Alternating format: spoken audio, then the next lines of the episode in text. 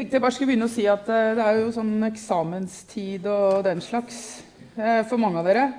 Så det er bra dere holder ut. Og husk at det, dere må sove godt, og dere må spise godt, og dere må gjøre hyggelige ting eh, innimellom. Og tenke at når eksamen er der, så gjør dere det dere gjør. Og så har dere fått masse ut av semesteret uansett. Så ikke liksom prøv å holde stressnivået nede og liksom hold ut de siste ukene som er igjen. Eh, det viktigste er å komme gjennom det, for å si det sånn.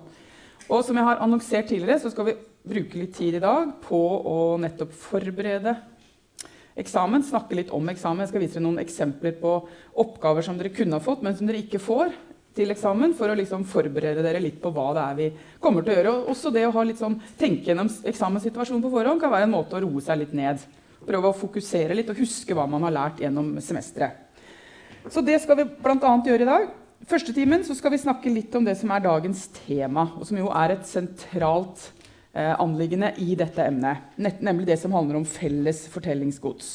Og jeg har bedt dere om å lese en eh, ganske lang tekst som eh, går gjennom alle forskjellige tekster som fins om Abraham, fra et oppslagsverk. Det har liksom vært lesestoffet til i dag, så vi skal se litt på det. Eh, og så skal vi se på noen modeller og konsepter for hvordan man kan tenke dette her som er felles mellom de tre tradisjonene. Det skal vi bruke første timen på. Og andre timen så skal vi jobbe med eksamensoppgaver. Både litt i grupper og litt i plenum. Og som dere vet, så får dere en todelt eh, eksamen den 1. juni, hvor det er noen kortspørsmål først. Eller kortsvarspørsmål. Spørsmål som krever ikke så lange svar. Første delen, og andre delen er en drøftingsoppgave. Så skal, jeg skal gi dere noen, noen, eksempler på det, så kan dere få jobbe litt med det. Så skal vi snakke litt om hvordan man kan gripe an sånne spørsmål når man sitter på eksamen forhold til hjelpemidler, i forhold til hvordan dere, skal, hvordan dere kan tenke strategisk. Så det kommer vi til å jobbe med i andre time. Eh, som alltid, hvis det er noen spørsmål eller den type ting underveis, så bare spør dere. Rekker opp hånda, og så fortsett å sende meg mailer med spørsmål og ting dere lurer på. Sånn. Både jeg og Kari, som er gruppelærer, prøver å svare fort og ta på alvor alt vi får inn av spørsmål. Så gjør det helt frem til eksamen. Husk at 1.6, når det er eksamen, så kan dere ikke spørre om sånne type ting, men da har dere Kari som går rundt og er, eksamen, er med dere litt, litt, av eksamen. Men da kan dere ikke spørre om ting i forhold til svare på, på spørsmålene, men, da, men, i forkant av det kan dere spørre om hva dere vil. Husk det. Nettopp. 1004. Emnet legger vekt på et samspill av tre ulike perspektiver. Dette har jeg vist, denne sliden har jeg vist dere flere ganger. Nå er vi på det tredje perspektivet. Vi tar for oss tekster som representerer felles fortellingsgods, og ser på hvordan tekster kan leses fra et interreligiøst perspektiv. Det har vi gjort en del ganger i løpet av kurset, og det vil vi prøve å fokusere på nettopp i denne første timen her. Bare minne dere på det. Husker dere at den, det teaterstykket vi hadde i februar, hvor vi hadde om Abraham-fortellinger i Bibelen og Koranen, da var nettopp dette felles fortellingsgodset et viktig tema. Og også i Oddbjørn Leirviks eh, forelesning om Jesus og Maria i, i kristne og islamske tekster da hadde vi også det her, det fins noe som går igjen. Det er noe felles. Hva er felles? Hvordan skal vi tenke om det? Han snakka om intertekstualitet. Um, og interreligiøse lesninger. Hele tekster, intertekstualitet og interreligiøse lesninger. Og også den forelesningen som Anne Hege Grung og jeg hadde om kjønn, makt og hellige tekster de, noen av de tingene som vi tok opp i de forelesningene, de vil ta, de ta, opp igjen nå. Som nettopp handler om dette tredje perspektivet. Hva er det som er felles? Hva er det vi skal tenke om, om de forskjellige tekstene? Karakterene, plottene, som går igjen i de forskjellige tradisjonene. Hvilke måter kan vi tenke om det på? Hvilke ting er det det aktiverer? Hva er det, må, det vi må, være klar over? Hva må vi vite når vi ser noe som er felles, når vi tror er felles, og vi tenker er felles? Den eh, teksten dere har lest til i dag, i noe som heter 'Encyclopedia of the Bible and its Reception'. Det er altså, si det kort, Vanligvis så pleier jeg å ha med et sånt oppslagsverk, men nå vet dere at biblioteket er der oppe, så var bare syr. Man får jo knapt ut en bok der uten å melde seg to uker i forveien, så jeg fikk ikke til det.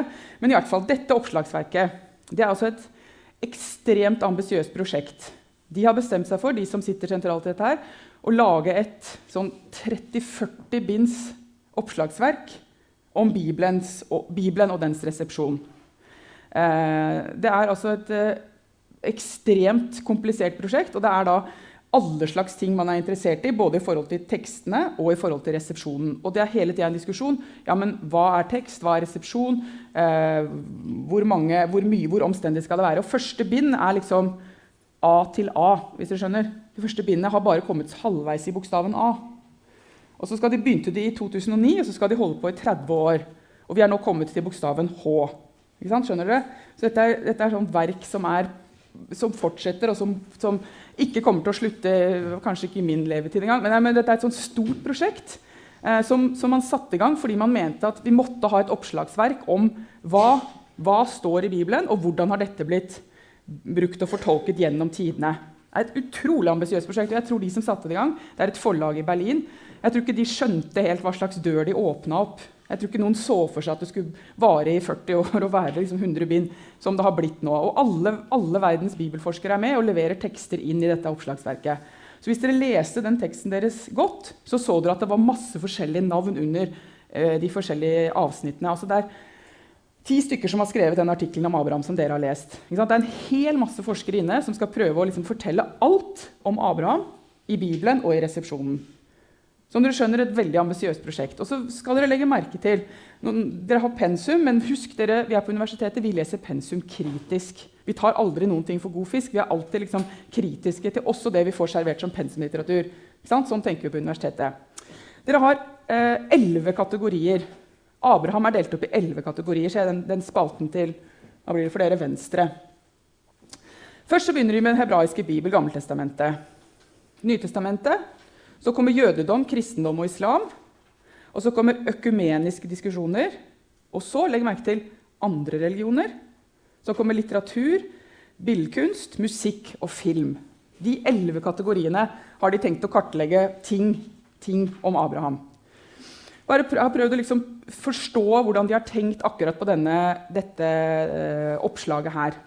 På mange måter har de tenkt kronologisk. Og det er hele det hele den encyklopediaen tenker veldig kronologisk. De begynner med det som er eldst, og så ser de på historisk utvikling, og så ser de selvfølgelig på skriftlige kilder. Altså, vi har jo ikke noe, eller Skriftlige kilder eller visuelle kilder, altså kilder som er noe. De ser ikke på muntlig tradisjon, de ser ikke på abstrakte ideer. De må ha noe materialitet. De har delt opp på mange måter de forskjellige oppslagene etter tekster og materialitet. Kronologisk, historisk, og så at det er noe. Det er noen kilder. Det er en film, eller det eventuelt ikke er en film som i dette tilfellet, eller det er noe kunst, eller det er ikke noe kunst.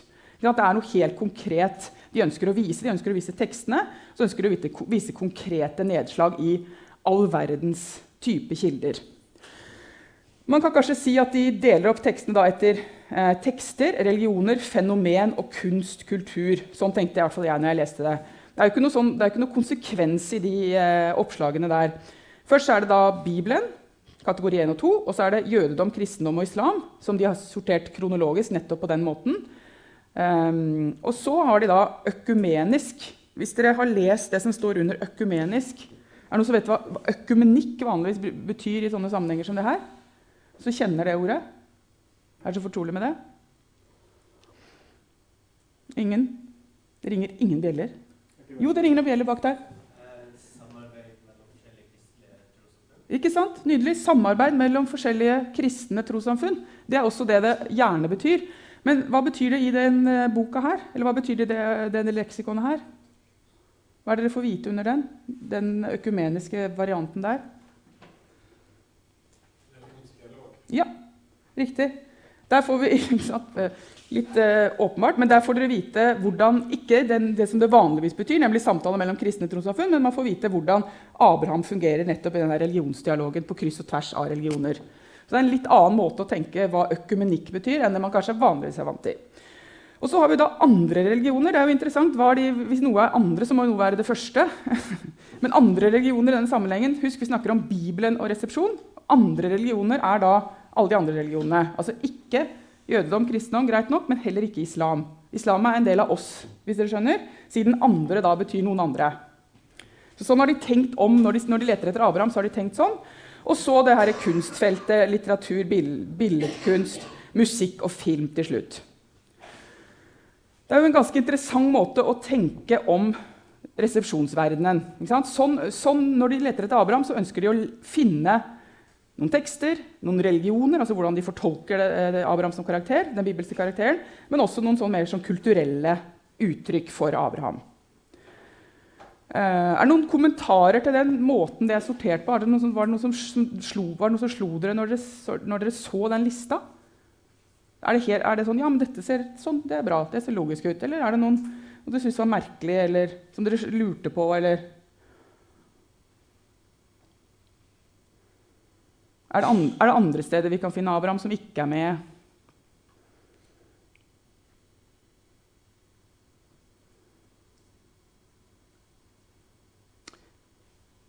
Da skal jeg gjøre det litt vanskeligere for oss. Nettopp. Hvilken modell er det som fins for Bibel og resepsjon her? Eh, de har et, et, kjempefelt som de kaller resepsjon. Men hvordan er det Forrige time når vi snakka om Bibel og resepsjon, hvor Halvor Moxnes var her, og vi leste hans bok, han har, en litt annen tanke om resepsjon. For hva er det han er opptatt av? Jo, han er opptatt av å legge vekt på mottakerens rolle og deres kontekst i overleverings- og tolkningsprosessen. Og han er, han er opptatt av ikke bare av teologisk resepsjon, men også marginale stemmer. Og så vil han undersøke både positive og negative virkninger. Det er en litt annen måte å tenke resepsjon på enn vi finner i dette oppslagsverket. For i dette oppslagsverket ønsker man bare å kartlegge all slags bruk. Man bare skulle vise at Abraham er der, Abraham er der, Abraham er der. Mye mer enn Halvor Moxnes. Halvor Moxnes ønsker å finne ja, hva slags ny mening ble det skapt. Hva skjedde når disse tekstene ble brukt? Hva skjedde i de fortolkningene som kom? Mye, mye mindre interessert i sånn kartlegging og mer interessert i meningsskaping. Meningsproduksjon. Hvordan, hvordan tekstene skaper noe nytt. Hva er det eh, som er forutsetningen når man begynner med Bibelen som, som en original tekst?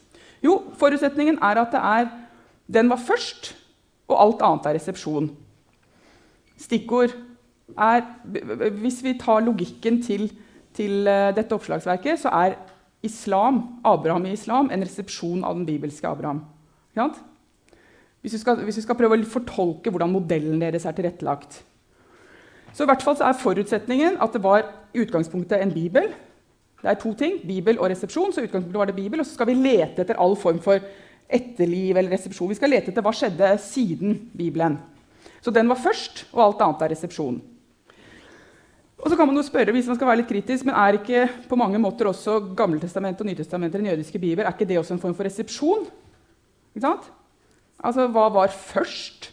Hva, var hele GT og NT, eller hele jødiske bibel og GT og NT først?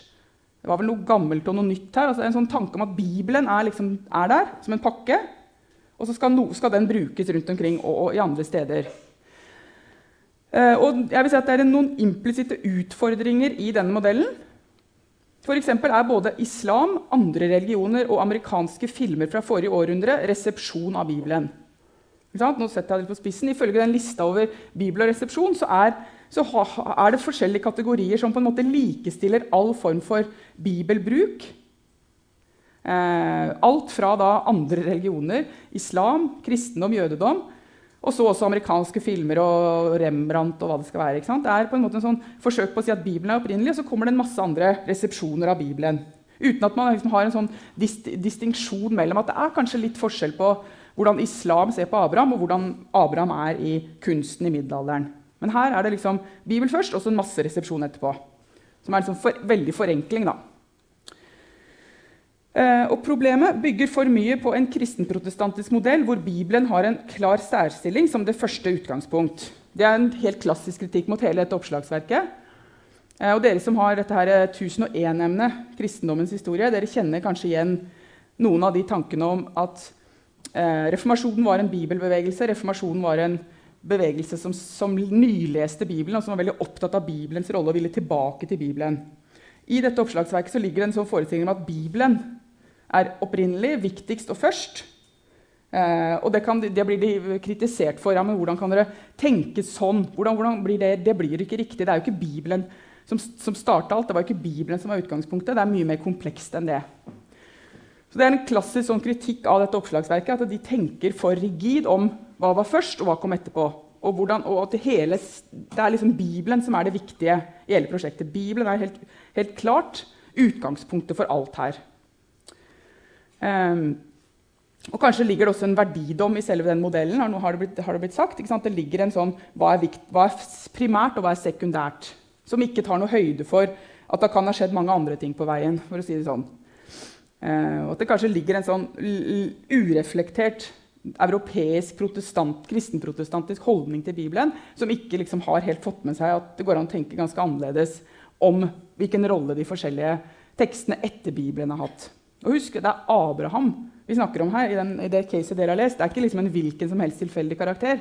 Det er Abraham som særlig da i islam har en, en utrolig viktig rolle, som kanskje ikke bare er den bibelske Abraham. altså Det er kanskje noe litt mer mellom linjene her som ikke er reflektert inn.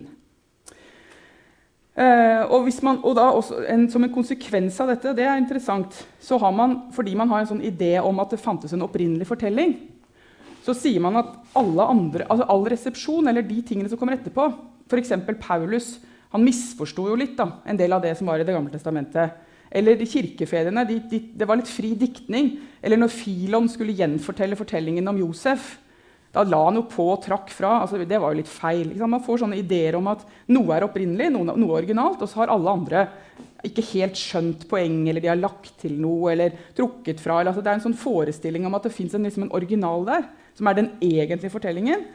Og så blir alt annet dømt eller hva skal jeg si, vurdert ut fra hvordan det passer med originalen. En veldig sånn kronologisk, lite fleksibel modell hvor Bibelen og Bibelens fortellinger blir liksom det første og hele utgangspunktet. Og at det er også en sånn, eh, kan si, si som, ja, men Det der er jo en dårlig fortolkning.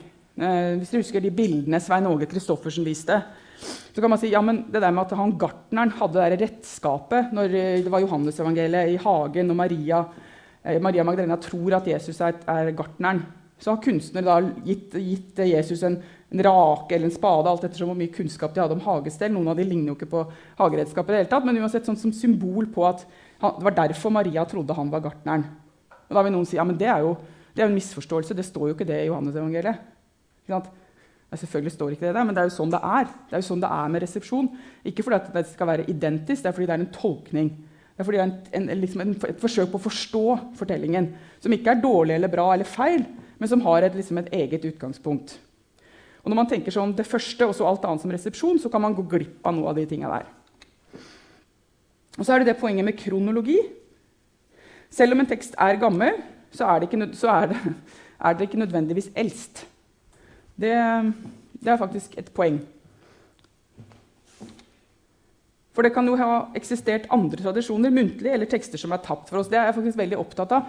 Vi, vi, tror at alle de tekstene vi har, er de eneste tekstene som har eksistert. Jeg er helt overbevist, Det er ikke noe vitenskapelig belegg, men jeg er helt overbevist at det har eksistert veldig mange tekster gjennom historien. Skriftlige, som papir, som hva som helst. Og også muntlige ting som vi ikke har noe tilgang på. Og den, det mener jeg Vi må ha en ydmykhet på. Og ikke si at GT kom først, og så kom NT, og dette har vi full kontroll på. Vi må være ydmyke. Vi, vi, kan godt hende det har eksistert mye mye mer. Det har helt sikkert eksistert mye mye mer. Og hva vet vi om når ting kom, og når ting skjedde, bare for at vi har en tekst som vi kan datere gjennom karbon til andre århundre? Det kan godt hende det var, at det var en helt uinteressant tekst i forhold til alt det andre som er tapt for oss. Den ydmykheten tenker jeg vi må faktisk ha når vi jobber med hellige tekster og når vi jobber med sånne typer kilder. Så det fokuset på kronologi, at det er liksom en måte å sortere verden på tenker jeg vi også skal ha litt sånn skepsis til, selv om vi er interessert i historie. Og så skal jeg presentere for dere noen andre modeller og reflektere over det som er felles. Husk, vi prøver å trace Abraham. Abraham som vi kjenner fra, først fra Genesis, så fra Nytestamentet, tidligkristne kilder, rabbinsk materiale, Koranen, middelalderen, kunsten, amerikanske filmer. Dette er det vi gjør. Vi prøver å finne ut den bibelske Abraham. Hvor ble det av han? Hvordan har han, hvordan har han kommet rundt i verden?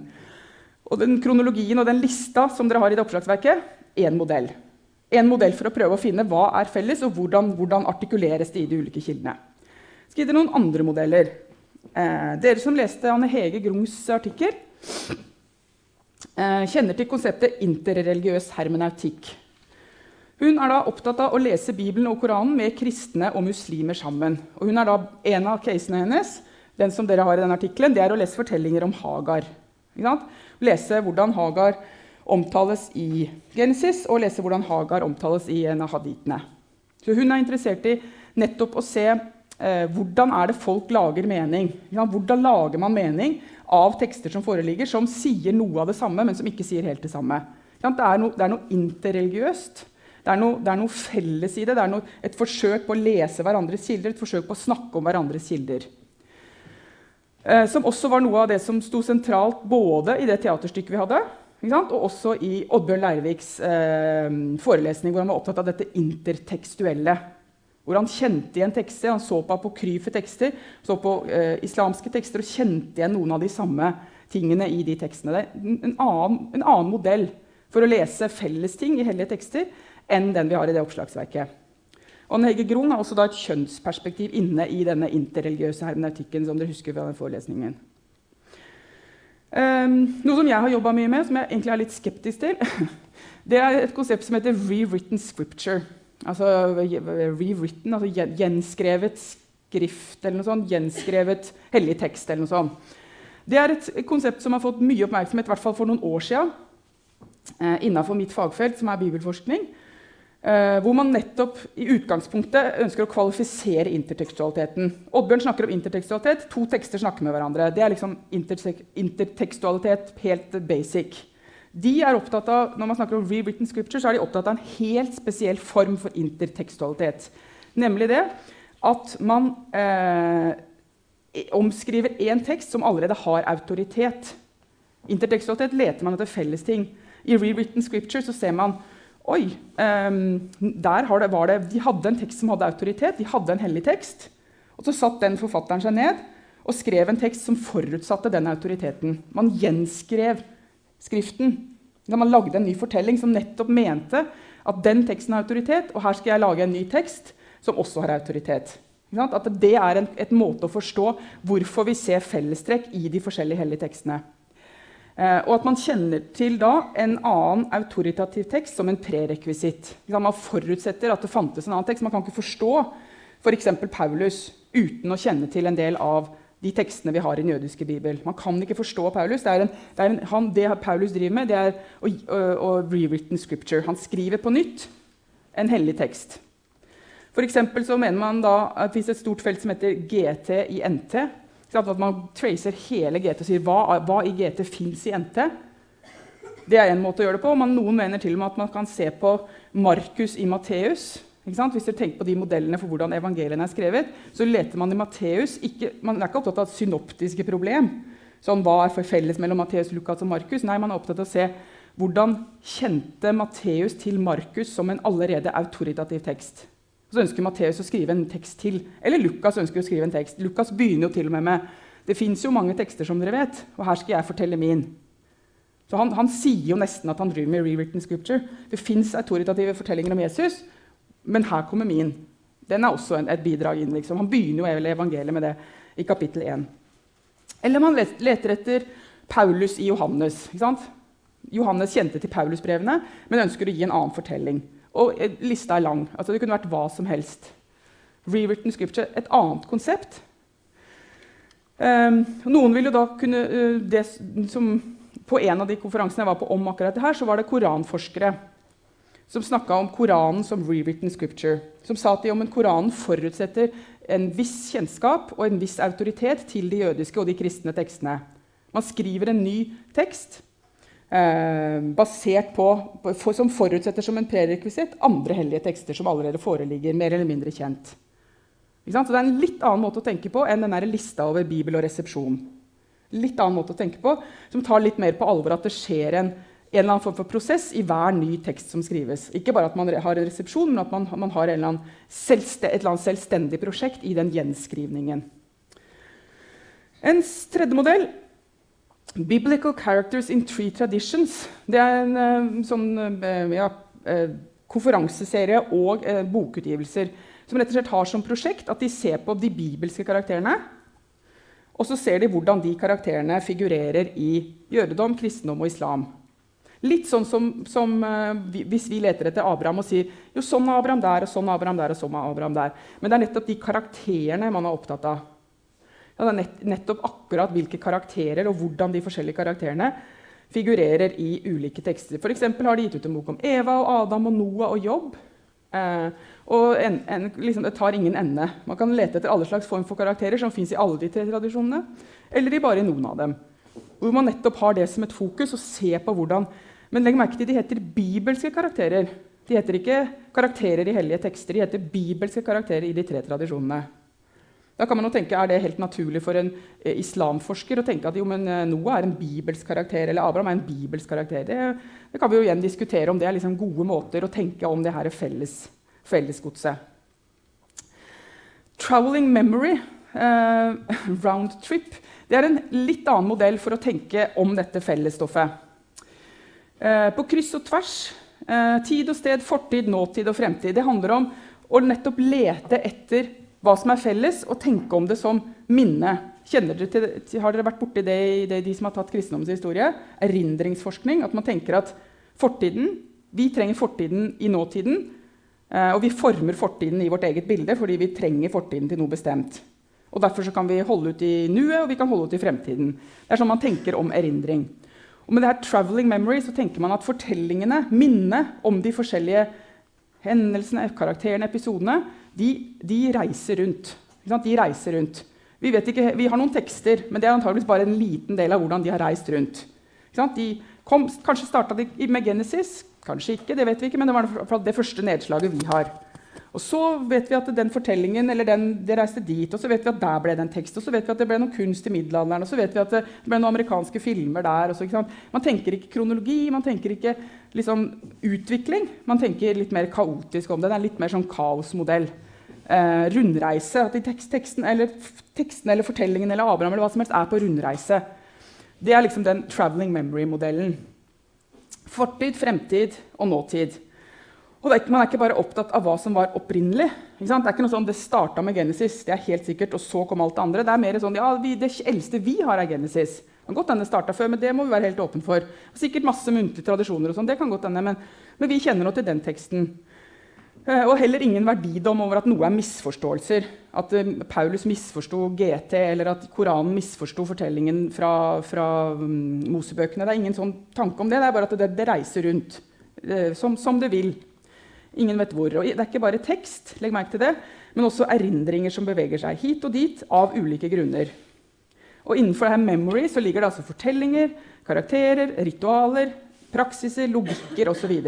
Så, memory dekker mer enn tekst. bare så dere, så dere husker det. Når vi snakker om traveling memory, så er det mer enn tekstene. Det kan være andre ting som reiser rundt også. Som skaper en eller annen mening av fortiden. Det er liksom hele poenget.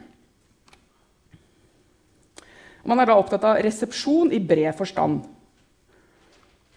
Eh, og, har, og, den tanken er også at på en sånn, Utenfor den modellen så har man har ikke disse tekstene slutta å reise, eller disse karakterene har ikke slutta å reise, men er fremdeles underveis. Det er ikke sånn at vi kan sette en punktum, sånn som man jo må gjøre når man gir ut en bok eller et stort oppslagsverk. De, liksom, de ender liksom etter film. Da, de, da tenker de nå Nå er det liksom ikke noe mer.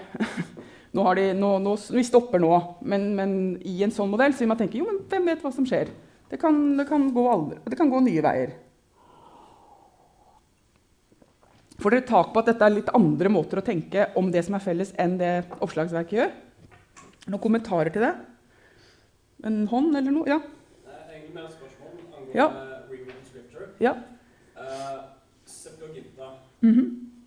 disse 70 oversettelsene har vi noe historisk belegg for at det stemmer, eller det i det minste var delvis sant? Eller er det bare en? Altså, du mener Den prosessen som førte til at Septuaginta, altså Septuaginta, gresk oversettelse av jødiske bibelen Noen kilder som dokumenterer at det faktisk skjedde? mener du? At de satt der og skrev, de 70? Nei, at det var 70 identiske oversettelser? Nei. Det, nei. nei veldig mye vi ikke har kilder for. Eh, det, nei, det har vi ikke. Og my, mye av det her er jo basert på mm, myter og, og, forestillinger og overleveringer. Men vi har ikke noe, sånn, vi har ikke noe, vi har ikke noe dokumentasjon og sånn type kilder til det. nei. Men er det rewritten scripture, eller er det oversettelse? Septuaginta. Sant? Septuaginta, Stort prosjekt oversette den jødiske bibelen til gresk. Så noen vil si at oversettelser er jo alltid både fortolkning og resepsjon. Sant? Fordi at du kan ikke oversette uten å fortolke. Du kan kanskje oversette ordet 'ja' og 'for' og 'ikke'. bare for å ta noen eksempler. Det er ikke så mye å diskutere, men det er veldig mye i ethvert språk som har en eller annen form for ambivalens ved seg. Og bare sånn Når vi oversetter til den norske bibelen jeg har sagt det dere mange ganger, Bare det å ha en tekst på norsk som er skrevet på et annet språk opprinnelig, det er jo så mye diskusjon egentlig over hvert eneste lille ord. Så Noen vil da si at Septuaginta er typisk resepsjon. Typisk masse der. Hvis jeg leser den hebraiske og, det, og Septuaginta ved siden av hverandre, så vil jeg ha masse spørsmål. Ja, men hæ? Trodde de det betydde det? Ok, interessant. Sånn leste ikke jeg det. men ok, det gjorde de. Da blir Det som blir da interessant, er hvordan de som da lagde den oversettelsen, hva slags kontekst de kom fra. Men jeg tror, tror at oversettelse må, må, vi plassere litt utenfor akkurat konseptet rewritten scripture. Selv om man kan jo tenke at man skrev på et annet språk. Men rewritten scripture er at du har en autoritativ tekst, og så ønsker du å liksom skrive en annen en som også skal ha autoritet. Flere spørsmål? Var bra. Flere spørsmål? Ja?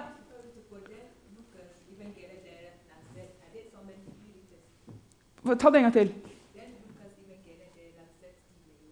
Lukasevangeliet? Ja. Noen vil si at, at Markus, siden vi tror at Markus var forelå foran Lukas For Noen sier at Lukasevangeliet er et typisk eksempel på rewritten scripture. Man har en fortelling om Jesus, og så ønsker man å skrive som har en autoritet, og så ønsker man å skrive en, en annen fortelling som har autoritet.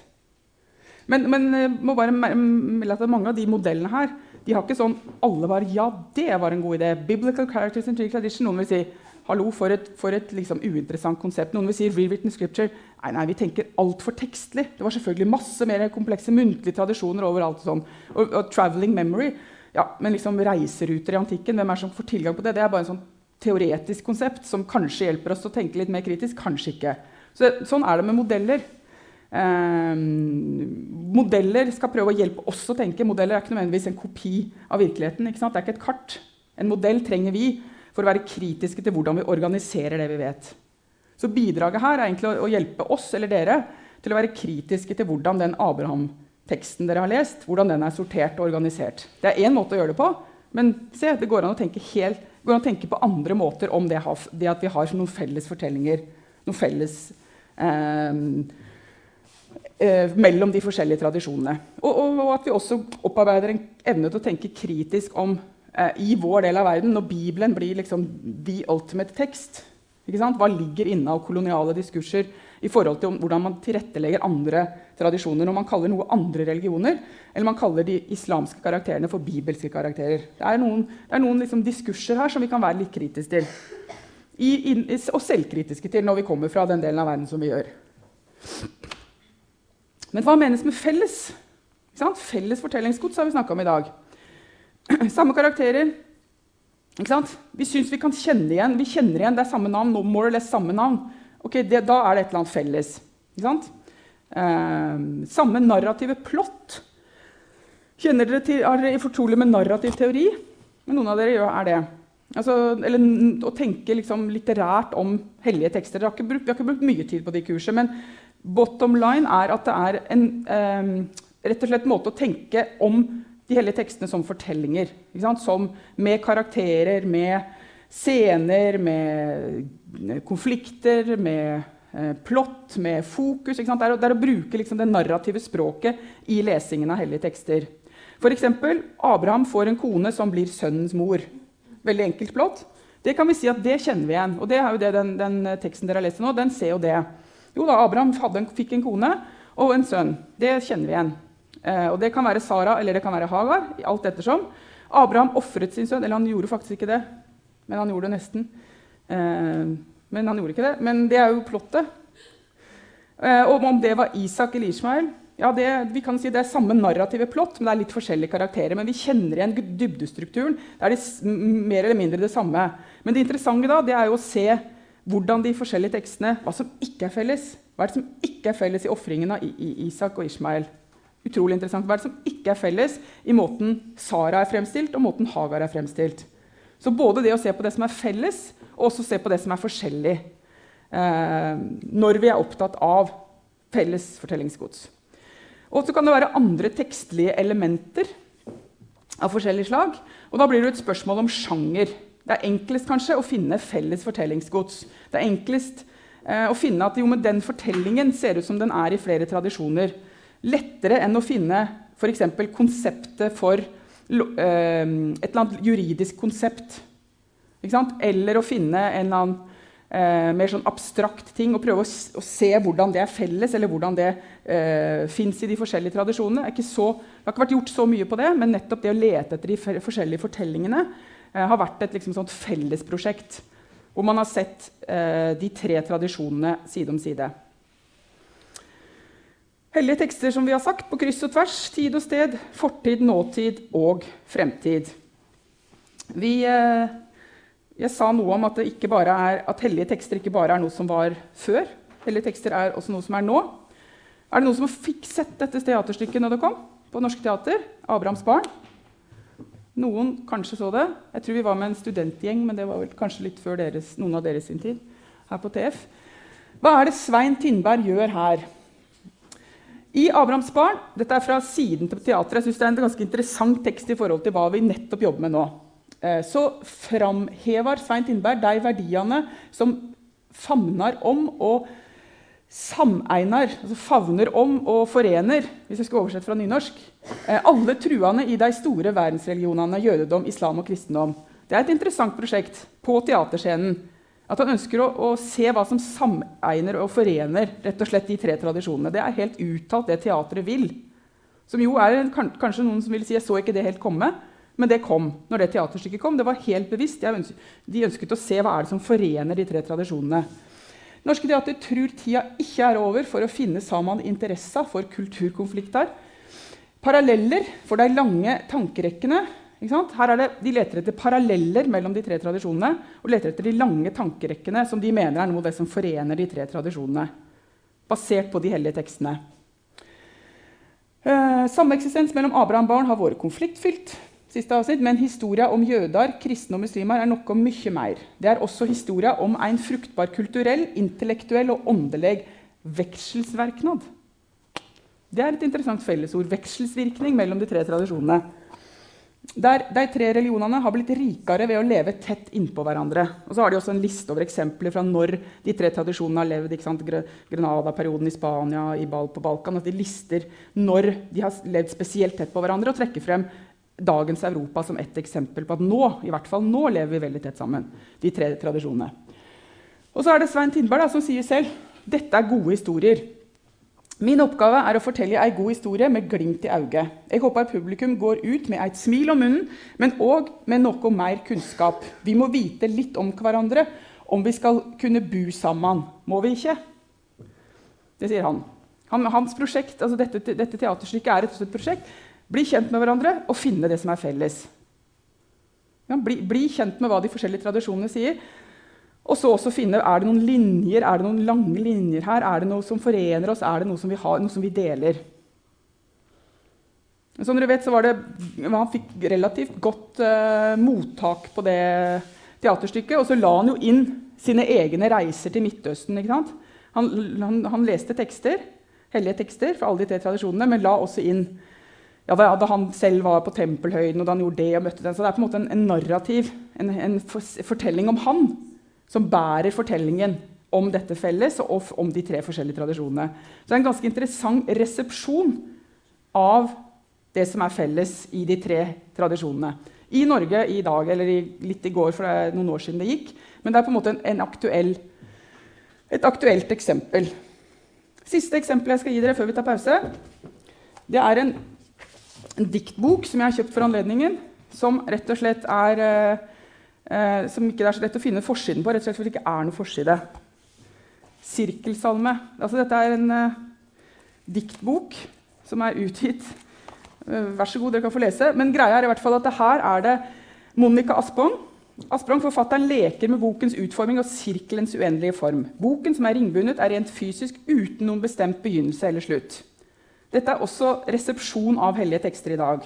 Diktsamlinga ble til etter en reise forfatteren gjorde til Jordan, Palestina og Israel høsten 2012.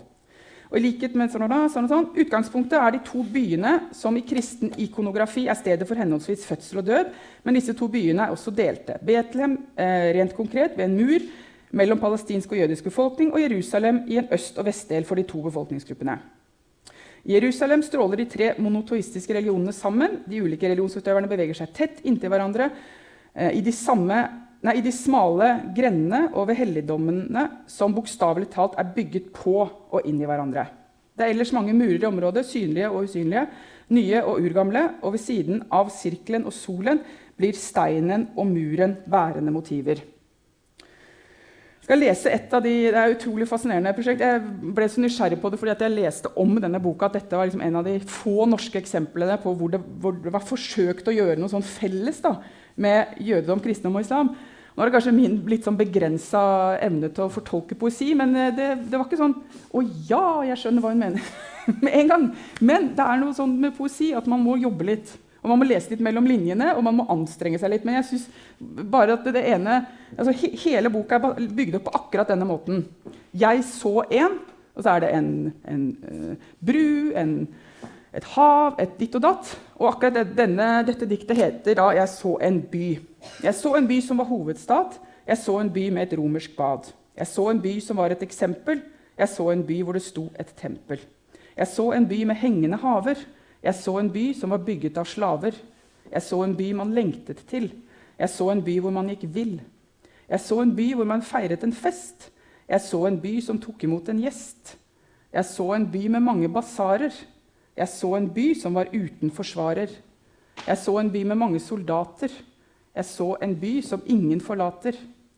Jeg så en by man hadde stengt. Jeg så en by man hadde tenkt. Jeg så en by med mange spir. Jeg så en by som var av papir. Jeg så en by man hadde tapt. Jeg så en by man hadde skapt. Det, bare, det fortsetter og fortsetter. Cirkel, bare bla rundt. det er vanskelig å skjønne når man er liksom ved enden av boka. Det er man kanskje aldri. Men ideen i hvert fall, med å, med å, med å tenke litt sånn løst Hun er da liksom, Jordan, Palestina, er i det området. Omgitt av disse religionene. Prøver å navigere og finne ut av det. Og skriver om det i en uh, Litt sånn spesiell, uh, unik norsk uh, utgivelse av en diktsamling. En kanskje en sånn litt sånn interreligiøs resepsjon. Litt vagt av de hellige tekstene. I hvert fall av de tre tradisjonene, må vi kunne si. Før vi liksom lukker igjen akkurat det med sånn felles fortellingsgods, det som går på kryss og tvers. Uh, begynte jo liksom med Abraham, det caset, måten det var organisert på. Noen andre modeller for hvordan man kan tenke om det som er felles. Og så da to eksempler med litt sånn norsk måte norske forsøk, hvis vi kan si det sånn, aktuelle forsøk på litt sånn felles religiøs resepsjon.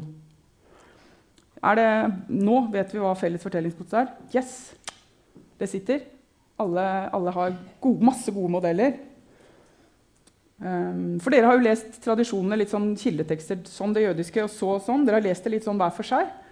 Men dere har kanskje lagt merke til at det er noe på kryss og tvers, og at det er noen tråder og at det er noen linjer som dere kjenner igjen. Hvis ikke det er noen siste innspill, så tar vi et kvarters eh, pause. Yes, Og så møtes vi igjen sånn ca. kvart over til neste episode.